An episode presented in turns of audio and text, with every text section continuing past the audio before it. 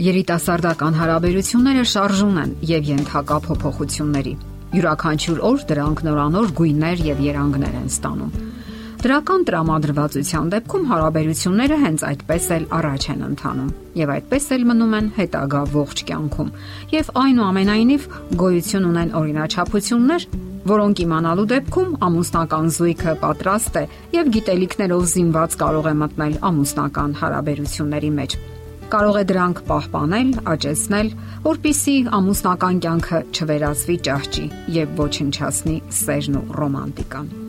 Երանելի ժամանակաշրջան։ Այսպես կարելի է բնորոշել նախամուսնական հարաբերությունները։ Ամեն ինչ գունավոր է, պայծառ, ինչպես գեղեցիկ հեքիաթներում։ Զույգը հավատում է եւ վստահում միմյանց, որոնում սեր եւ հավատարմություն։ Ցանկանում դիմացինի մեջ գտնել ու պահպանել լավագույնը, Այդ ժամանակաշրջանում բացվում են սիրո թևերը եւ երիտասարդները պարզապես ճախրում են իրականության եւ անիրականի մեջ։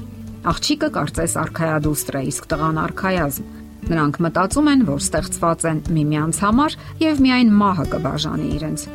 Իսկ ամուսնությունից հետո մտածում են, որ իրենց կյանքը հենց այդպես էլ պետք է շարունակվի ամուսնական տորտ, հարսանեկան գեղեցիկ զգեստ, ժապավեններ, շոկոլադե տրամադրություն սակայն անցնում է մի որոշ ընթացք եւ մի անտեսանելի ձեռք կարծես ջնջում է այդ բոլոր գեղեցիկ բաները եւ մի այլ աշխարհ տեղափոխում նրանց Ամուսնությունից հետո գալիս է կենցաղային բարդ ժամանակաշրջանը եւ միանգամայն բնական է, որ լինելու են ամենօրյա պարտականություններ։ Չհավաքված սենյակ, կեղտոտ ամանների բլուր, լվացքի պատրաստվող անմաքուր հագուստներ, երեխայի ծննդի հետ կապված խառնաշփոթ եւ այլն եւ այլն։ Այս ամենը միայն փոքր մասն է բոլոր անակնկալների, որ սպասվում է զույգին ամուսնությունից հետո։ Եվ նրանք պետք է իմաստություն ունենան դիմագրավելու ահագնացող դժվարություններին։ Ընթունեն, որ միայն սերը որ հաճախ հիմնված է լինում ընդհանրեն զգացմունքային եւ հորմոնային հիմքի վրա, ընդունակ չէ դիմագրավելու այդ դժվարությունները, որ անհրաժեշտ է կամային որակներ դրսևորել,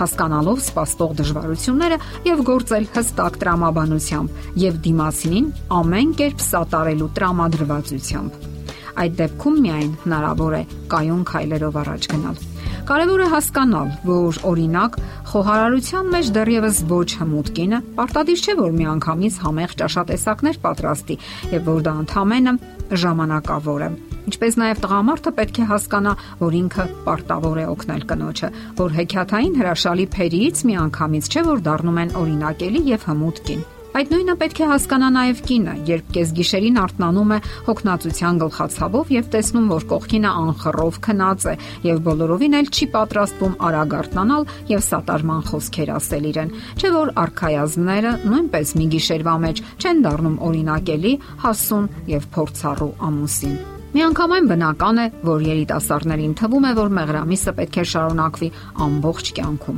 սակայն կյանքը արագ է ցրում այդ պատրանքները։ Այդ ժամանակաշրջանը կարող է տևել մոտավորապես 6 ամիս, որից հետո գալիս է հիասթափությունը։ Ասենք որ նույնիսկ բավարար գումարային ապահովվածությունը չի կարող լուծել այն բոլոր հիմնախնդիրները, որ թափվում են երիտասարդների գլխին ամուսնությունից հետո։ Եթե իհարկե չունեն բավարար հոգեբանական պատրաստվածություն եւ անհրաժեշտ գիտելիքներ։ Ինչ է անհրաժեշտ իմանալ։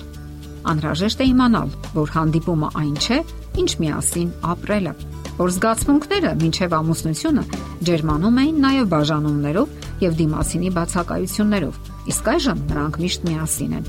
Այժմ դուք ամեն օր միասին եք։ Ոչ մի խոչընդոտ չկա եւ դուք ազատորեն կարող եք հպվել դիմասինին,